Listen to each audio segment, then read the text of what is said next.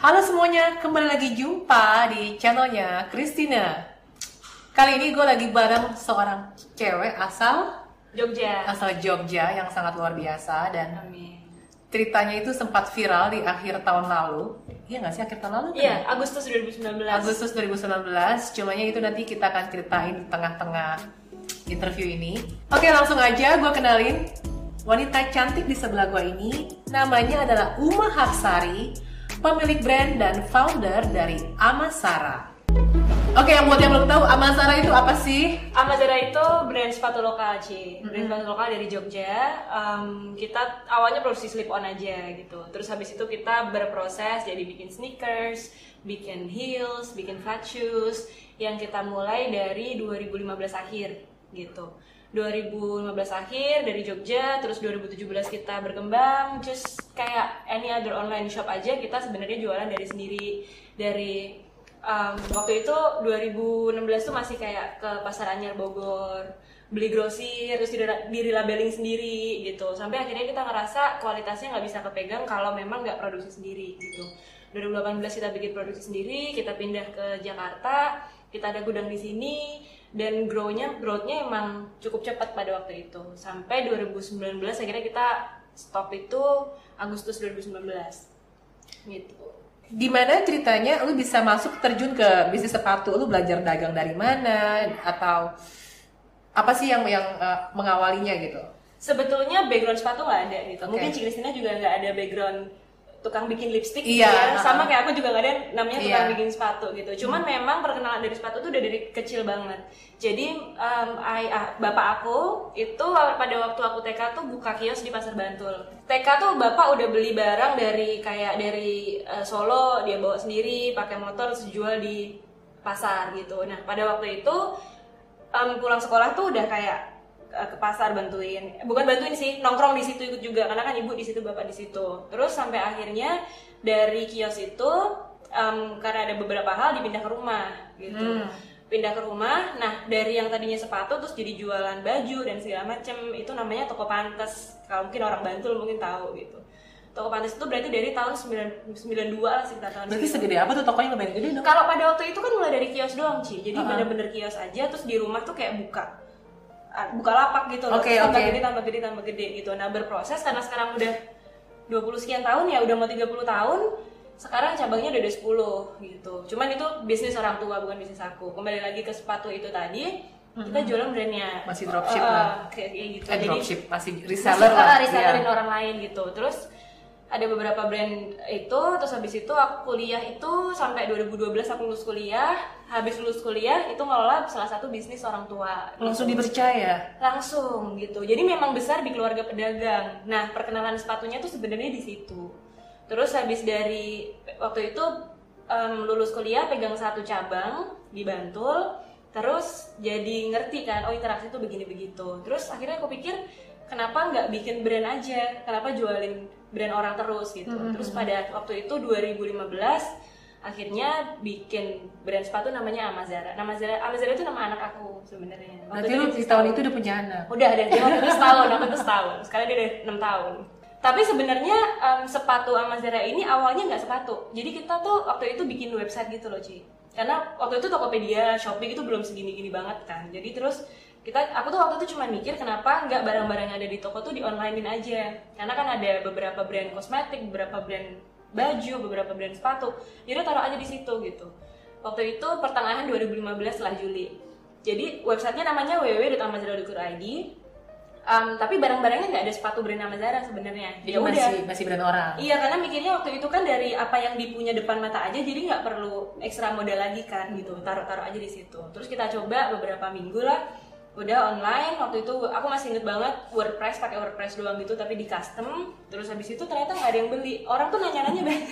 Nanya-nanya banyak. Sekarang gini kayak kalau misalnya ada brand A gitu ya terus kita ngapain orang itu beli dari all shop aku istilahnya dengan harga retail segitu plus dia masih tanggung ongkir pula. Sedangkan di kotanya dia ada cabang dari si brand ini gitu kan nggak nggak make sense gitu so aku pikir oh kalau misalnya memang mau sesuatu jualan sesuatu yang nggak bisa dibandingin dari segi harga ya harus punya brand sendiri gitu. Terus um, karena waktu itu kenalnya cuma pengrajin sepatu ya udah bikin sepatu aja relabeling sama Zara. Jadi sepatu yang udah ada dari tempatnya di pasar Anyar Bogor waktu itu kan suka uh, kulaan apa sih kulaan? Uh, Kulaan. beli grosir Iya. beli grosir gitu terus diganti aja namanya jadi sama Zara gitu.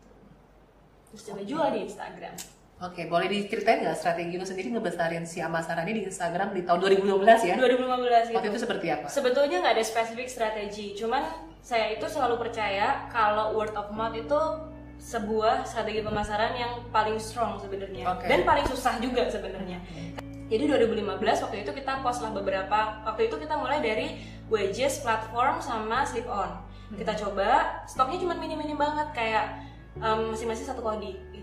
Terus cuma dari situ terus kita foto sendiri, terus diedit sendiri. Waktu itu aku hire masih inget banget hire satu graphic designer freelance satu bulan digaji kayak 750 ribu buat ngedit-ngedit gitu, terus di upload di Instagram. Cuman ternyata karena editannya mungkin terlalu gimana, terus udah gitu waktu itu harga awalnya itu 89 ribu. Harga sepatunya? Iya. Oke. Karena kalau dijual di offline itu kayak cuma sekitar 60 ribu, jadi I- aku pikir 89 udah oke lah gitu. Tapi mungkin karena image-nya di Instagram terlalu wow, harganya 89 ribu orang malah nggak ada yang beli. Dan ketika aku nanya ke temen yang paling deket gitu, kalau kamu lihat ini mau beli nggak? Respons dia tuh cuman gampang aja.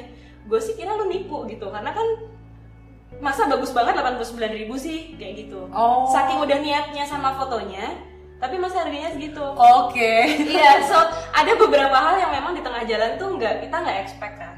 Terus habis itu oh kalau gitu strategi penentuan harga itu ternyata nggak harus melulu murah gitu, tapi harus pas dengan produk kita gitu. Dari Habis- persepsi customer lah Dan ya? persepsi customer Iya. karena kita memberikan persepsi di sini harganya di sini kan kayak orang jadi nggak nggak percaya gitu. Terus waktu itu kita naikin harganya jadi 120-an, mulai ada yang beli, mulai nanya. Gitu tuh ya, tuh lihat ya berarti harga murah itu tidak menjamin. tidak menjamin gitu. Jadi one of the strategy karena kita ngaca tahu diri kita memang bukan orang yang ngerti banget sepatu pada waktu itu. Jadi kita pikir oke strateginya kita pakai dari customer service. Jadi 2016 itu 2016 akhir, 2017 itu kita CS tuh 24 jam. Dan memang waktu itu tuh aku strict banget sama CS ngajarin CS CS ini bener-bener kayak at the end of the day kamu tuh nggak boleh jadi orang yang terakhir, or, uh, customer itu nggak boleh jadi orang yang terakhir ngechat harus kita. Kalaupun dia terima kasih ya kita kasih emoticon apa atau gimana gitu. Oke. Jadi bener-bener di follow up, udah beli di follow up gimana. Terus kalau mereka nggak happy, uh, ditawarin mau diganti apa enggak gitu. Even kalau misalnya jebol ya langsung kita ganti. Atau misalnya kayak ada yang nggak enak langsung diganti. Pokoknya No question asked no question asked langsung diganti 2017. Nah 2018 itu mungkin karena jumlah uh, customernya berkembang ya. Jadi kan kita as a business juga scale up-nya kan harus lebih itu mungkin uh, dari situ customer service-nya men- masih mencoba doing the best that we can cuman agak menurun kali ya kualitasnya ya dibandingkan 2017 karena Apanya yang menurun kuantitas- nih? secara service Ci misalnya Oh, tadinya karena makin banyak nih yang mana masuk. makin banyak gitu. Yang tadinya tuh kayak all complaint itu aku bisa tanganin sendiri kayak um, and I make sure everybody is happy. Terus 2018 karena kita ada ribuan sepatu jualannya setiap bulan up to one point tuh kayak satu bulan tuh 6000 sepatu gitu. Kalau lagi rame ya.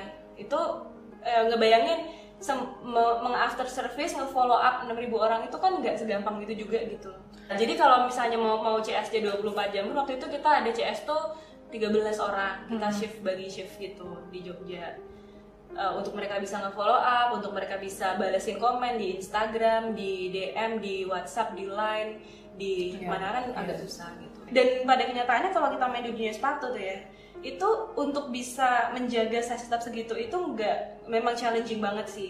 Kenapa? Karena sepatu itu kan komponennya banyak tuh. Dari alat-alat yang kita pakai tuh misalnya, kalau kita nggak pakai shulas namanya tuh yang buat ngebentuk sepatu tuh namanya shulas. Kalau shulasnya kita nggak pakai yang bagus, kita pakai shulas kayu misalnya, kayu itu seiring berjalannya waktu dia nyusut. Jadi 36 yang di awal itu mungkin tahun depan bisa nyusut jadi 35 setengah.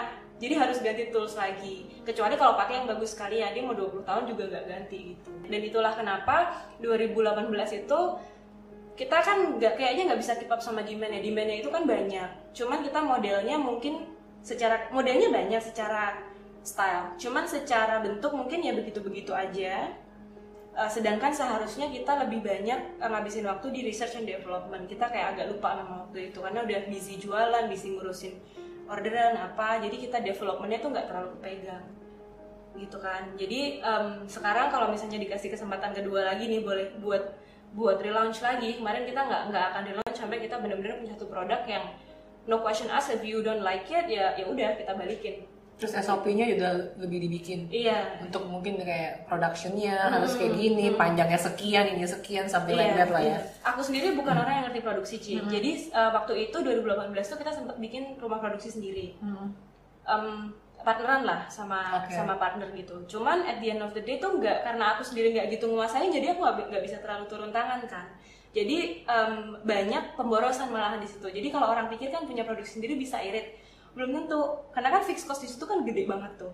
Jadi em, kalau kembali lagi ke yang postingan viral yang Ci Christina bilang itu, di situ aku bilang one of the main point kenapa kita bisa fail waktu itu first of course karena aku sendiri memang lagi ada masalah pribadi waktu itu tapi on the um, on the other side juga karena biaya operasional itu ngebengkak banget dari segi fixed cost-nya kita Biaya nggak bisa fixed uh, cost. kita nggak bisa tahan kita nggak bisa tahan gitu Itu bisa dibilang ngebengkaknya itu sampai dari awal lo anggaplah tahun pertama gitu ya. Tahun pertama ke tahun ketiga itu memangnya dari segi omset tuh naik berapa kali lipat sih? Em, tahun pertama itu 2016 itu tahun pertama ke tahun kedua itu naiknya ada sih di situ sebenarnya grafnya Di buku nih. Ngomong-ngomong nanti kalau Oh, iya. kalau kalian yang habis nonton ini ada terinspirasi satu hal, dua hal, tiga hal, tulis di komen tiga komentator terbaik akan mendapatkan buku In My Shoes dari Uma Hapsari. in my own shoes In My Own Shoes. ada ownnya ada on shoes. Nah, iya, eh, lu gak inget ya? Iya, ingat intinya Kira-kira aja, kira-kira. Iya, jadi dia naik sekitar dari sini ke sini ke sini. Jadi dari sini dari 2016 ke, ke 2017 itu berkali-kali lipat banget emang sekitar tiga kali lipat. Terus dari 2017 ke 2018 itu naiknya bisa dua setengah kali lipatan lagi gitu. Wow. Tapi kayak dari cuman tiga tahun itu kan waktu yang cukup sempit ya Ci ya. Singkat banget. Iya, jadi kita nggak intinya ketika scale up itu banyak hal yang kita nggak nggak Iya, expect iya, lah iya, gitu. iya. Terus waktu itu tuh intinya tuh udah mulai ngerugi tuh dari Januari 2019. Minusnya tuh kayak 100, 200, 50 gitu. Um, which is masih jualan banyak, cuman kan operasionalnya kan udah terlanjur gede itu loh Ci. Kayak misalnya nih kita pengen, kita kepengen waktu itu bikin satu sistem. Kita udah bayar di sistem 100 juta misalnya.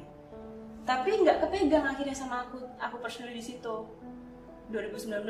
Jadi jatuhnya waste of money lagi minus minus minus terus akhirnya wah mau sampai kapan nih kita pura-pura baik-baik aja gitu terus akhirnya em, kita nunggu THR Juli ya Juni Juni waktu itu Juni terus kita em, let go of em, karyawan-karyawan kita. Terus habis itu kita ta- kita tawarin mereka sebenarnya yang mau resign atau yang kontraknya udah selesai kita nggak perpanjang lagi.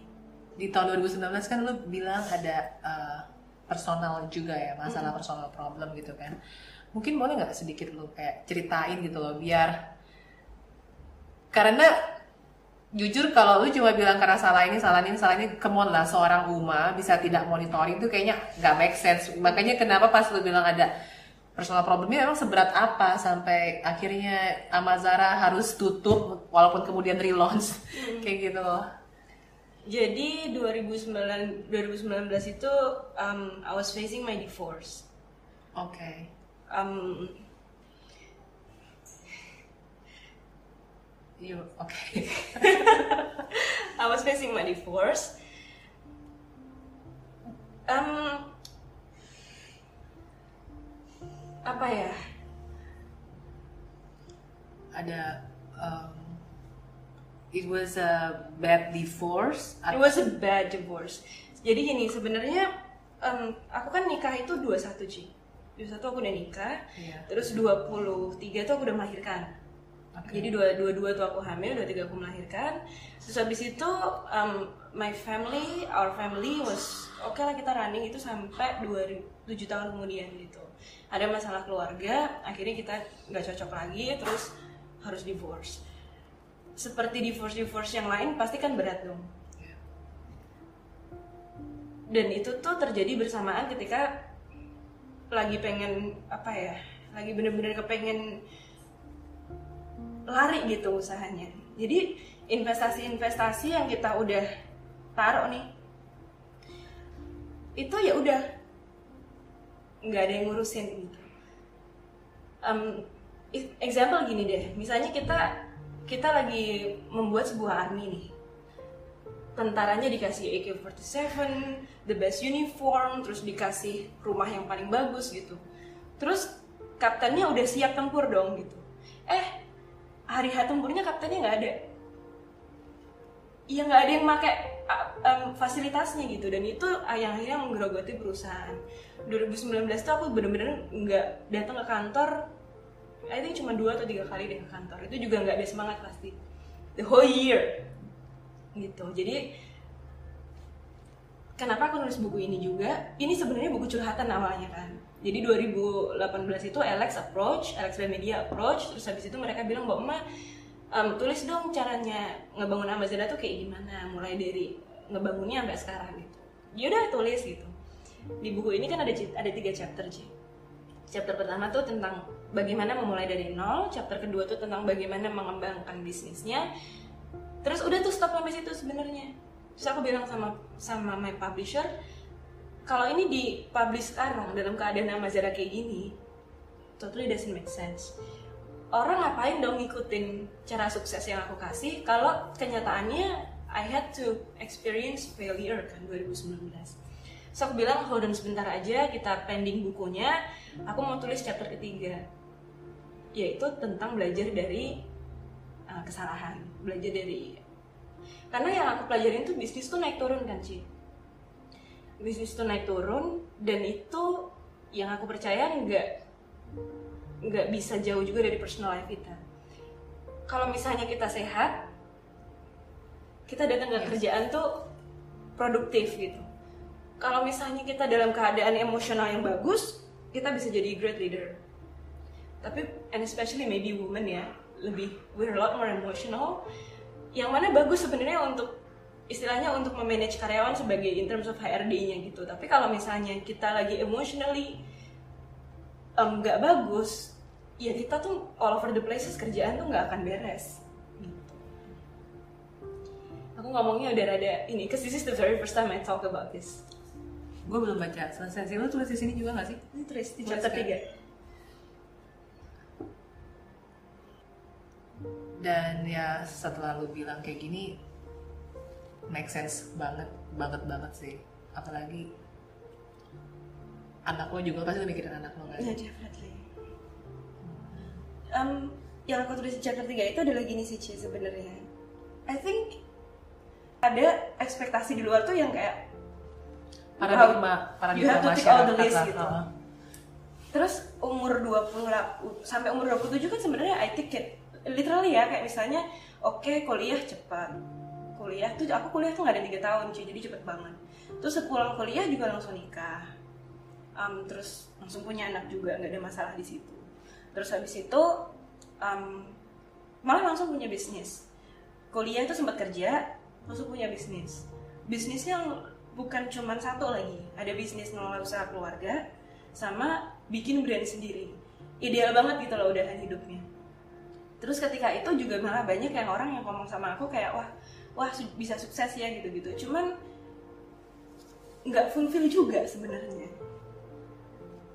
Sampai akhirnya 2019 I was asking for a divorce because that's what I want.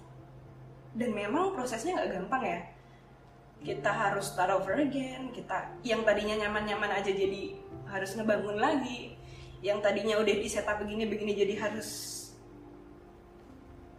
start Ya, over betul, again betul. gitu banyak banget 2019 that's why 2019 tuh aku tuh kayaknya ngepost Instagram tuh cuma paling 2-3 kali kali ya Karena lo fokus ya ke sidang lah, ke ini, Iya, a lot of things, a lot of things.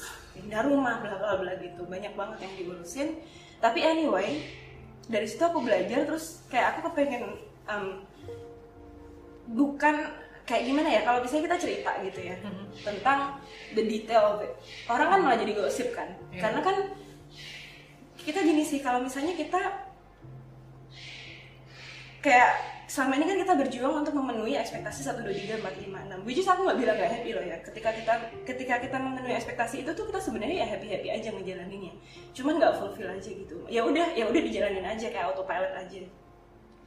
Terus ketika kita udah tick all, tick all the list and then what? Terus itu aku mikir I don't want this life that people want. Aku Dan- minum dulu aja boleh. Dan teh kotaknya habis. Dan dan uh, going through divorce sampai melewati perceraian itu menurut gua itu emotional draining banget sih menguras emosi sekali ya Iya dan marriage itu kan menyatukan dua keluarga kan. Iya, Jadi itu iya. kayak masalahnya tuh udah sampai ke mana-mana. Tapi begini intinya. Em, Message yang pengen aku spread di sini ya Ci. Mungkin in my early 20s Kita kan kepengen dong menjadi eh, Punya achievement lah begini begitu ingin begini, ada yang ditunjukkan gitu loh. Gue Iya. bisa loh kayak gitu. Dan dan aku sih ngerasa mungkin pada waktu itu yang nggak yang nggak salah juga kan kita kepengen banggain orang tua betul. kita kepengen mandiri kita pengen ini itu. Jadi kita coba semua hal gitu. Tapi mungkin I think I push myself too hard sih. Jadi kayak oh harus begini begini begini jadi terus kayak maksain sedikit Iya, gitu. mungkin. masa maksa nggak sedikit sih. Banyak mungkin maksain. ya maksain ya kayak gue udah mesti kawin nih. Iya kan Lu kayak pacaran berapa lama waktu itu? Three months. Eh, jadi kita apa jalan tiga bulan terus habis itu married? jadi kena, karena dikenalin kan waktu Oke. itu jadi kayak bobo tuh kayak udah oh ya udah mau nyari kayak gimana sih. Karena kan kalau orang dulu bilang kan orang dulu bilang tuh kan Iya, lu mau cari yang cocok mau cari sampai kayak gimana gitu. Terus dikenalin, kebetulan orangnya juga decent gitu ya, from a good family and everything. Terus ya udah Desember kenalan, Feb April dia ngelamar. Terus habis itu aku tuh Agustus aku lulus sekolah, kuliah lulus lulus kuliah, terus habis itu November nikah. oke Jadi it was so fast. Cuman yang message yang pengen aku kasih adalah gini, ikutin ekspektasi orang lain itu nggak ada habisnya. Kalau misalnya kita Oke, apa namanya? em, habis ini pasti ditanyain lagi kapan punya adik nih Zara. Terus ditanya ketika kita melahirkan anak kedua misalnya, itu kan another commitment. Anak itu tidak pernah minta dilahirkan kan? Another commitment untuk memfulfill siapa gitu. Terus oke lah nggak cuma anak, oke bisnis ini terus mau dikembangin sampai mana lagi? Terus bisnis ini kapan mau buka bisnis baru lagi? Itu kalau kita cuma ngedengerin omongan orang tuh bener-bener nggak ada habisnya sampai kita yang what I adalah ketika umur 60 tahun aku look back terus ngeliat gue tuh hidup buat siapa ya? betul Um, so I think at the end of the day, it's all about what you want.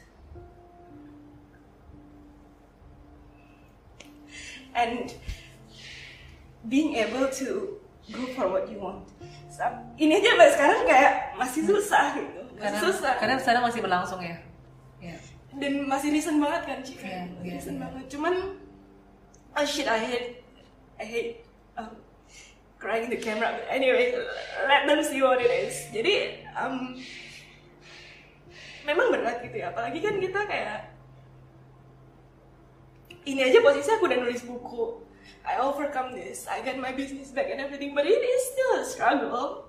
And I believe, gimana sih kabarnya banyak perempuan di luar sana yang merasa tidak dipercaya ceritanya gitu loh. Kayak, other people see you as one thing, dan kamu live your life for them, for what? Gitu. Dan, jadi pada akhirnya, sekarang pun kayak, um, sekarang pun kayak aku lebih berusahanya ya gini loh kenyataannya itu kita cuma hidup dengan beberapa circle kita aja. Kalau mereka komentar itu aku pasti harus dengerin. Karena they know me very well mereka tahu konteksnya seperti apa. Cuman kalau yang komentar mas ini ya who are you to judge me? Cuman itu tuh nggak memang nggak gampang sih Jim. Nge-build tembok yang kayak gitu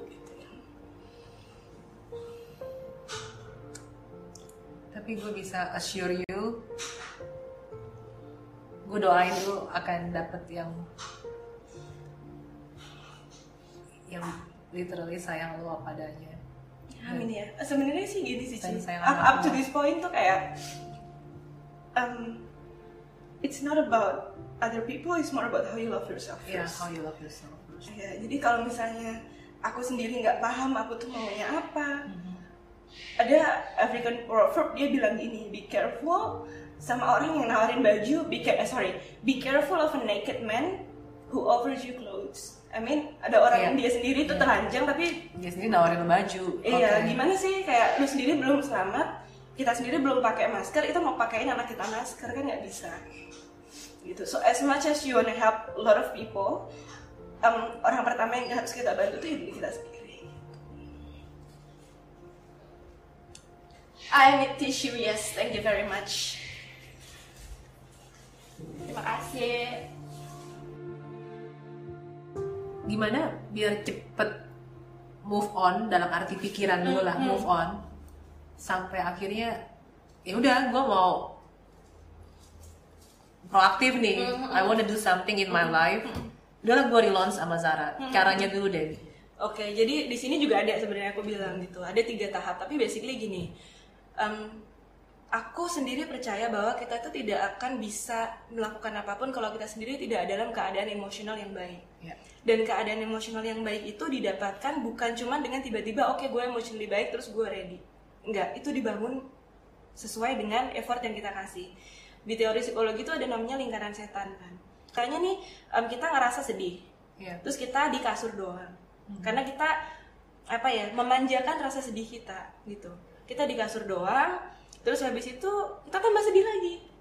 Kita lanjut tambah sedih lagi kita dengerin musik yang sedih-sedih aja deh. Makin sedih lagi karena tambah sedih kita depresi lama-lama bunuh diri juga gitu. Itu kan namanya lingkaran setan cuman ada batas di sini gini sih misalnya kita sedih nih. Kalau kita sedih em, saya percaya banget kalau kita harus kasih waktu yang cukup untuk emotion kita supaya bisa bergulir. Bukan yang kayak oke dipendem terus di ah nggak nggak ini tuh nggak terjadi being denial terus kita ngelakuin apa itu juga nggak secara jangka panjang itu emosi akan muncul lagi gitu. Jadi kasih ruang yang tepat untuk bersedih cuman kita harus tahu oke at one point kita harus memaksakan diri buat kerja. Mungkin em, kalau ditanya siap nggak siap harus siap. harus siap Iya. gitu. Karena nggak ada satu titik di mana kita oke aku siap aku jalan. Karena ketika itu terjadi it will already be too late gitu. Jadi ketika kita tahu oke gue harus melangkah sekarang kita punya keberanian buat ngelangkah itu tuh bukan berarti kita tidak punya rasa takut gitu. Jadi em, kesiapan itu nggak akan pernah datang kalau misalnya ditunggu terus Em, ketakutan itu nggak akan pernah hilang. Itu cuman bisa di manage dengan cara kita memilih setiap kali untuk berani ngelakuin sesuatu. Keren banget kan tadi sempat kita di awal membahas beberapa problem di Amazara. Nah what will you do differently? Apa yang akan lo lakukan berbeda di yang kali ini? Kita akan masih tetap sama Zara yang sama in terms of kita akan tetap jualan sepatu style kita akan tetap uh, seperti itu brandingnya akan tetap seperti itu. Kita tetap punya jiwa service yang sama. Tapi kali ini kita nggak mau sekedar kayak didikte aja gitu oleh uh, demand. Kita harus bisa melihat demand ini dengan baik secara keseluruhan bukan cuma demandnya A kita lakukan kita lakukan A demandnya B kita lakukan B. Ini sama aja kayak Cik Kristina ngomong apa aku ikutin sebelah sini ada yang ngomongin lagi aku ikutin. Itu melelahkan sekali. Dan itu saya percaya mungkin jangka panjangnya akan kurang bagus. Karena capek banget kan Ci melakukan ini itu. Kali ini kita akan lebih sering melihat diri kita itu sebenarnya siapa gue sih apa yang sebenarnya mau dicapai dari bisnis ini karena I believe kita tidak akan bisa memberikan real impact melalui bisnis kita. Kita kan udah pernah ngobrol bisnis itu kendaraan. Tapi melalui kendaraan kita itu impactnya nggak akan pernah benar-benar ada. Kalau kita sendiri nggak tahu kita tuh mau memberikan message apa sih ke audience kita. Kita tuh mau, mau menjual visi apa sih gitu. Nah makanya di chapter 2 ini visi misinya Amazara itu adalah we want we want our shoes. Kita mau sepatu kita itu menjadi pengingat dari customer kita, audience kita untuk menjadi the best version of themselves. Itu I think message yang Amazara mau sampaikan. Gitu. Nah mungkin sekarang kan kalau untuk lo launching, relaunch lagi, pasti strategi pemasaran lo sedikit ada yang mesti sedikit dibedakan ya nggak sih daripada yang waktu tahun 2015 baru launching pertama kali kan. Mungkin nanti boleh lo ceritain atau lo mau ceritain gimana tips-tips nge-branding itu bikin brand tuh kayak gimana gitu. Oke. Jadi sebenarnya brand itu as simple as this. Brand itu adalah bagaimana sih orang lain itu meras gimana sih cara kita bisa ngebuat orang lain itu muncul perasaannya terhadap apa yang kita kasih gitu. Jadi brand itu adalah how you make other people feel. Jadi ketika kita kepengen, ketika kita membangun branding, branding effort, setiap sisi setiap sisi visualnya, kata-kata yang dipilih, tone yang dipilih, foto yang dipost itu semuanya harus konsisten karena konsistensi adalah kunci dari branding. Semuanya itu harus mengarah ke satu call to action yang sama yaitu gimana sih kamu pengen membuat orang yang audiens kamu tuh pengen ngerasa gimana gitu. Example, kalau kamu kepengen orang itu ngerasa bahwa your brand is the hero itu kan ada teori arsitektur brandnya tuh. Your brand is the hero gitu. Kamu kepengen brand kamu itu menjadi seperti hero bikin itu kayak the way Nike bikin brand gitu. Mereka selalu endorse itu atlet. Selalu bikin video-video yang kesannya tuh glory kemenangan kayak gitu. Nah di Amazara sendiri eh, kita juga pengen bikin kayak sebenarnya in, in in terms of the heroic thing gitu. Makanya kita kepengen our customer to be the best version of version of themselves karena kita kepengen mereka tuh jadi hero dari hidup mereka sendiri. Sebenarnya tidak punya branding sendiri adalah brand. Iya kan?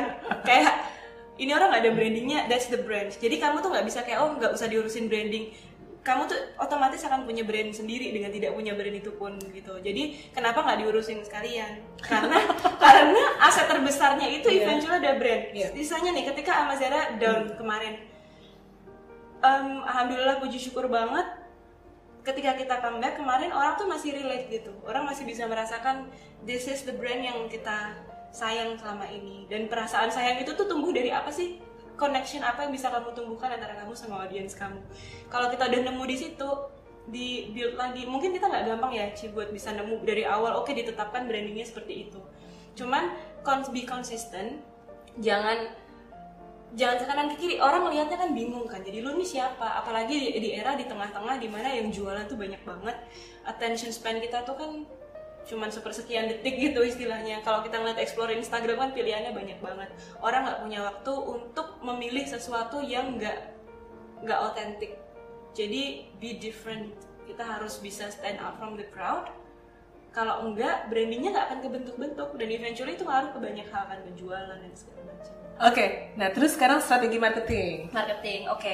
Dari awal em, aku sangat I'm a big big believer of word of mouth sebenarnya that's why strategi marketing kita dulu dan sekarang juga masih adalah tetap di produknya. Yang pertama kalau eventually kita mau punya branding yang kayak bagaimana foto yang kayak gimana tapi kalau produknya nggak oke ya orang bakalan ngomongin hal jelek tentang kamu gitu. Jadi dari satu satu dari produknya. Harus ngangenin.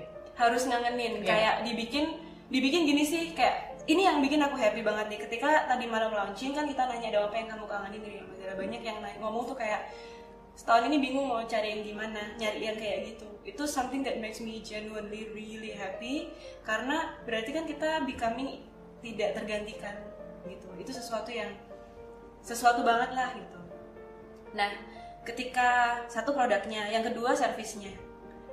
Banyak produk yang bagus tapi servisnya nyebelin atau servis itu bukan cuma dari segi customer service ya tapi eh, misalnya apakah kita memberikan product description yang cukup untuk customer kita apakah kita memberikan foto yang cukup real picture kepada customer kita? Jadi servis itu gede banget. Apakah kita memberikan edukasi order yang cukup? Apakah kita memberikan Instagram yang cukup eh, mudah dimengerti untuk customer kita? Jadi servis itu comes in a lot of different thing bukan cuma CS-nya doang. Apakah kita memberikan eh, apakah kita mengirim barang dengan cukup on time? Apakah kita memilih ekspedisi yang cukup bagus? Servis itu gede banget dan itu ada di every customer journey kita Tuh, itu yang pertama yang pertama produknya yang kedua servisnya. Eh, kalau strategi yang lainnya adalah em, yang aku bilang tadi kita jual visi jual misi itu sekarang Amazara to be very honest kita nggak punya budget marketing yang cukup besar. Mungkin nanti akan kita akan lakuin Facebook AdSense segala macam lagi. Dulu kan sempat juga. Berarti pas sekarang masih pakai brand ambassador. masih pakai itu ya nah dan terus kayak kita juga nge-endorse orang sekarang bener-bener pilih endorse expert. Jadi kayak ini kita lagi mau endorse Aditya Logi dia kan memang memang em, expert di sepatu gitu. Jadi dia bisa memberikan testimoni itu ya sepatu ini tuh bagus apa enggak? Karena dia memang expert di sepatu. Aku lebih mending kirim kirim 20 sepatu ke micro influencer tapi Iya, mereka iya. dipercaya omongannya sama teman-temannya. Betul. gitu. Jadi lebih ke situ sih em, pemilihan endorsement atau brand ambassador atau ap- apa pun itu yang bukan dari numbers dan exposure-nya betul betul. tapi dari apakah kata-kata mereka itu bisa dipercaya apa enggak believable atau enggak influential apa enggak atau pagi pagi-pagi ngomongin brand ini bagus eh tato siangnya ngomongin brand yang kompetitor Iya. bagus juga lu percaya tuh iya kan enggak jadi kayaknya cuma lu kayak iklan doang gitu iya benar-benar ya be very picky about that juga cuma Jadi, sekarang sih iya. itu aja Nah sekarang gimana? Sekarang kan banyaknya orang ngepost di Instagram gitu kan. Kalau gue perhatiin tuh sama Zara tiap kali ngepost apa-apa, banyak yang like, banyak yang komen kayak gitu. Gimana sih tipsnya? Um, first of all kami tidak nge-treat social media untuk hard selling. Oke. first. Second kami lebih nge-treat social media itu sebagai platform komunikasi kami aja. Ya. kita nggak akan pernah bisa saling engage kalau kita nggak berani menampakkan kita itu siapa. Kalau kita nggak berani autentik dan kita nggak menampilkan konten-konten yang relate sama customer kita mereka nggak akan komen. Orang itu sangat tertarik ketika kita memberikan konten yang relate sama mereka. Kenapa? Karena mereka itu basically suka ngomongin diri sendiri gitu. Mereka itu suka explain gue tuh sebenarnya begini loh gue tuh sebenarnya begini loh. Misalnya aku tuh sebenarnya itu orangnya A loh. Terus ada Amazara yang muncul dengan konten Koreanya. Hah? nyambung. Gitu. Jadi pelajarin audiens kamu itu mereka itu kalau weekend ke mana? Mereka itu usianya berapa mereka itu naik motor apa naik mobil? Mereka itu suka Korea apa enggak? Mereka itu apa? Jadi pelajarin karakter-karakter dan behavior behavior audiens kamu. Jadi ketika kita ngasih konten itu kita kita nyambung gitu. Dan ketika kita memberikan konten yang nyambung mereka pasti kepengen join ngomong. Makanya dulu-dulu kita banyak ngomongin itu Korea quotes gitu gitulah jadi begitu kita ngomongin horoskop atau Korea itu banyak banget yang yang komen. Kalau ngomongin sepatu ya kita nggak ngasih quotes yang kayak hard selling banget gitu loh Ci kayak "Oh, ini bisa dibeli dengan harga segini gini gitu.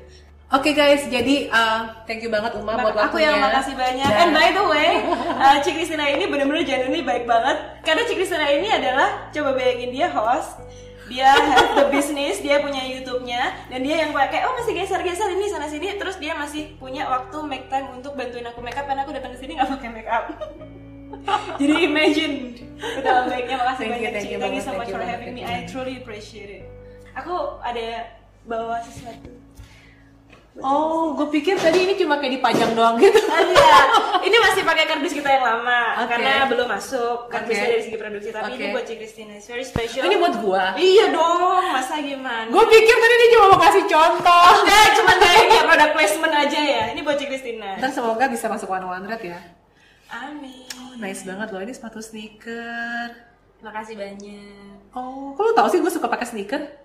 everyone loves sneakers Tebak-tebakan doang lagi aja. Iya nggak sih Bagus ya sepatunya. tapi basically karena kita produknya cuma baru ada sneakers ini sekarang satu SKU dulu Tapi brand lu ditaruh di mana mereknya ini? Nah ini yang baru nih. Jadi ini AMA Z, Z. Eh, terus kenapa ini kayak gini? Karena ini melambangkan chapter 2 kan kayak angka 2. Oke. Terus produk lu itu yang yang paling hits sekarang yang sneaker. Ini memang kita mau fokus di sneakers ini dulu. Ini kita ada ada warna ini, ada warna biru, warna Ini hitam, banget dalamnya. sama putih. Nah dan dalamnya ini kita dari recycle insole. Kayaknya lu lu nanya asisten gue ya nomor sepatu gue berapa ya? Pantesan kemarin asisten gue nanya, Ci nomor sepatunya Cici berapa? Mau ngapain mau beliin gue? Gue bilang, udah seminggu yang lalu lagi. Oke guys, jangan lupa juga um, ini buku ini buat tiga komentar terbaik apa sih yang menginspirasi kalian akan mendapatkan tiga buku In My Own Shoes karangan Uma Hapsari. Iya, nanti aku packing sendiri, aku tanda tanganin sendiri, terus aku kirim langsung. Dapat tanda tangannya loh, keren banget ya. Jadi semoga kisah dari Uma ini menginspirasi sekali dan kalian yang nonton juga bisa terinspirasi dari semangat dan kegigihan Uma. Amin. Apa tadi quote-nya?